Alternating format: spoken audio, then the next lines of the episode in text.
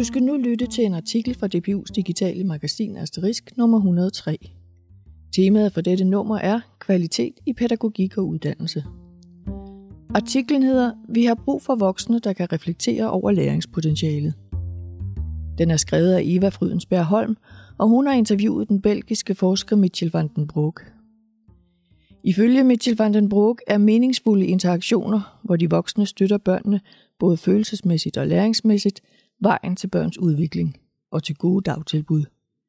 Men i mange europæiske lande er personalet ikke klædt godt nok på til at gribe læringspotentialet, og her spiller blandt andet længden på uddannelsen, organisering og arbejdsforhold ind.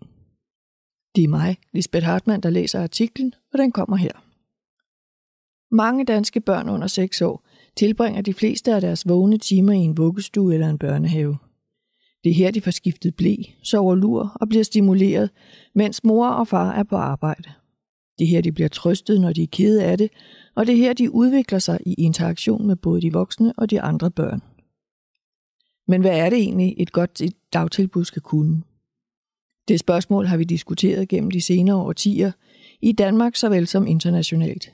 I takt med, at vi har overladt en større og større del af ansvaret for omsorgen for samfundets yngste til personalet i dagtilbud. Spørger man Mitchell van den Broek, lektor i familiepædagogik og institutleder i afdelingen for socialt arbejde og socialpædagogik på Gent Universitetet i Belgien, er det at definere kvalitet i dagtilbud ikke så lige til. Det afhænger blandt andet af, hvordan det enkelte land anskuer dagtilbudets rolle. Han siger, i nogle lande, f.eks. de angelsaksiske, er det meget almindeligt at se dagtilbud som en forberedelse til skolen så er det klart, at opfattelsen af kvalitet bliver anderledes, end hvis man anskuer dagtilbud med en socialpædagogisk vinkel, som I gør i de skandinaviske lande. Hvis en børnehave skal bidrage til social samhørighed i en mangfoldig kontekst, så har man en anden forståelse af, hvad kvalitet betyder.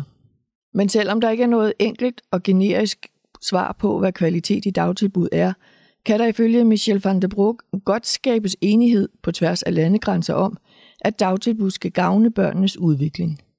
Og skal de det, er især interaktionen mellem børn og voksne vigtig.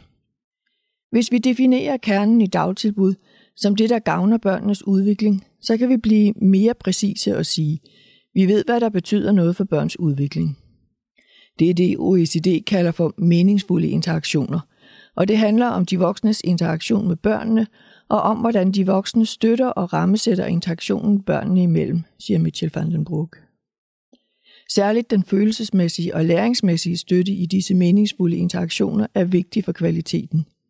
Det er de to dimensioner, der er vigtige for børnenes udvikling, forklarer Mitchell van den Broek.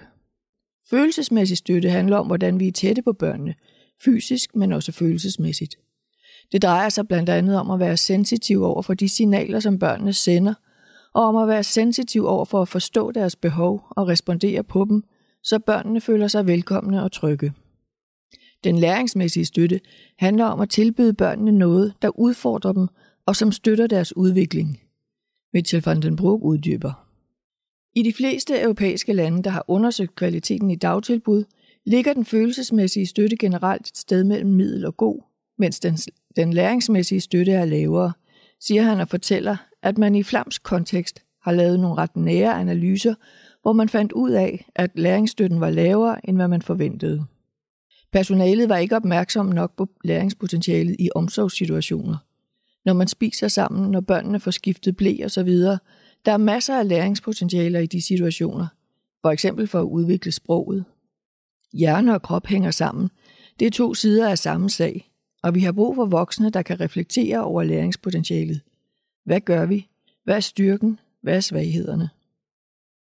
Evnen til at gribe læringspotentialet i omsorgssituationen hænger, ifølge Mitchell van den Broek, tæt sammen med personalets uddannelsesmæssige baggrund. Jo længere uddannelse, jo bedre vil man være klædt på til at reflektere over situationen og give børnene læringsmæssig støtte. Min observation er, at når vi gør pædagoguddannelsen kortere, så bliver uddannelsen mere teknisk og preskriptiv. Og jo mere preskriptiv man er, jo mindre reflekterende er man. At skabe udvikling gennem læringsmæssig støtte handler ikke om at forudsige, hvad børn vil gøre og hvad de voksne bør gøre. Du skal have viden, visioner og værdier og en masse refleksion, og det tager tid at oparbejde den indsigt i faget, forklarer Mitchell van den Broek.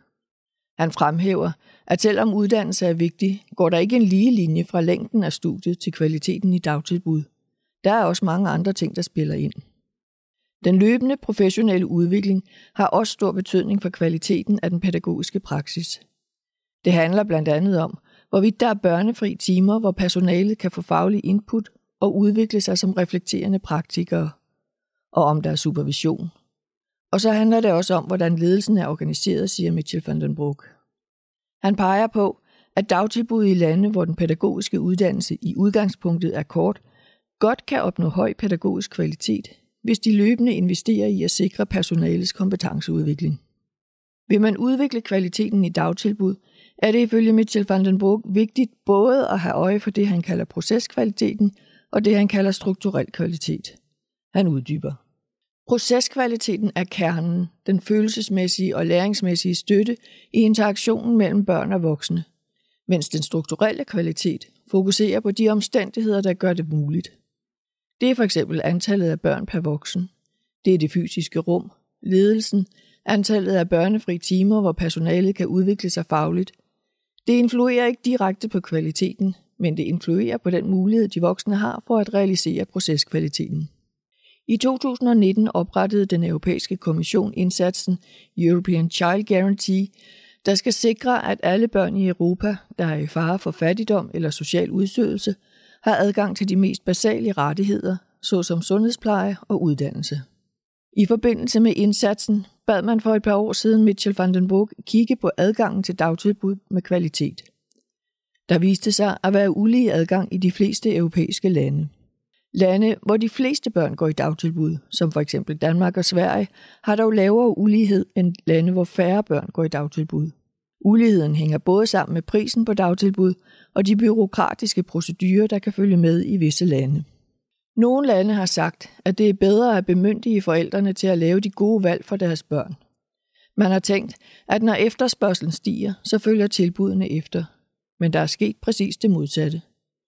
Generelt går kvaliteten ned, når der kommer private operatører, for de er der for pengene. Og hvordan tjener man penge på dagtilbud? Det gør man ved at reducere udgifter. Flere børn per voksen, mindre investeringer, både de indledende kompetencer og i den løbende udvikling af personalet, siger han. Privatisering betyder ofte, at priserne hæves, og det rammer de mest udsatte grupper. Vi kan se blandt andet i Holland, Kalifornien og Frankrig, at der kommer flere dagtilbud i de velhavende kvarterer og færre i de fattige. Det har vi set mange steder, og det er derfor, jeg fremhæver, at det er vigtigt, at dagtilbud er en del af uddannelsessystemet og et offentligt gode, siger han og peger på Danmark som et foregangseksempel. Når alt kommer til alt, siger Mitchell van den Broek, så er de afgørende komponenter, der sikrer kvaliteten i dagtilbud, personale, personale og personale. Deres uddannelse, den løbende opkvalificering og deres arbejdsvilkår. Han peger på, at man i stort set alle europæiske lande lige nu er udfordret i forhold til at finde kvalificeret personale til dagtilbudene, og at man for at løse problemet mange steder fristes til at mindske kravene til de kvalifikationer, der stilles til personalet. Men det er en ond cirkel, mener han. Hvis du mindsker kravene, så mindsker du professionens status, og hvis du gør det over tid, vil færre mennesker ønske at gå ind i den. At sænke baren for, hvad det pædagogiske personale i dagtilbud skal kunne, kan måske hjælpe på kort sigt, men det løser ikke problemerne i længden. Det var artiklen Vi har brug for voksne, der kan reflektere over læringspotentialet, skrevet af Eva Frydensberg Holm og læst af mig, Lisbeth Hartmann.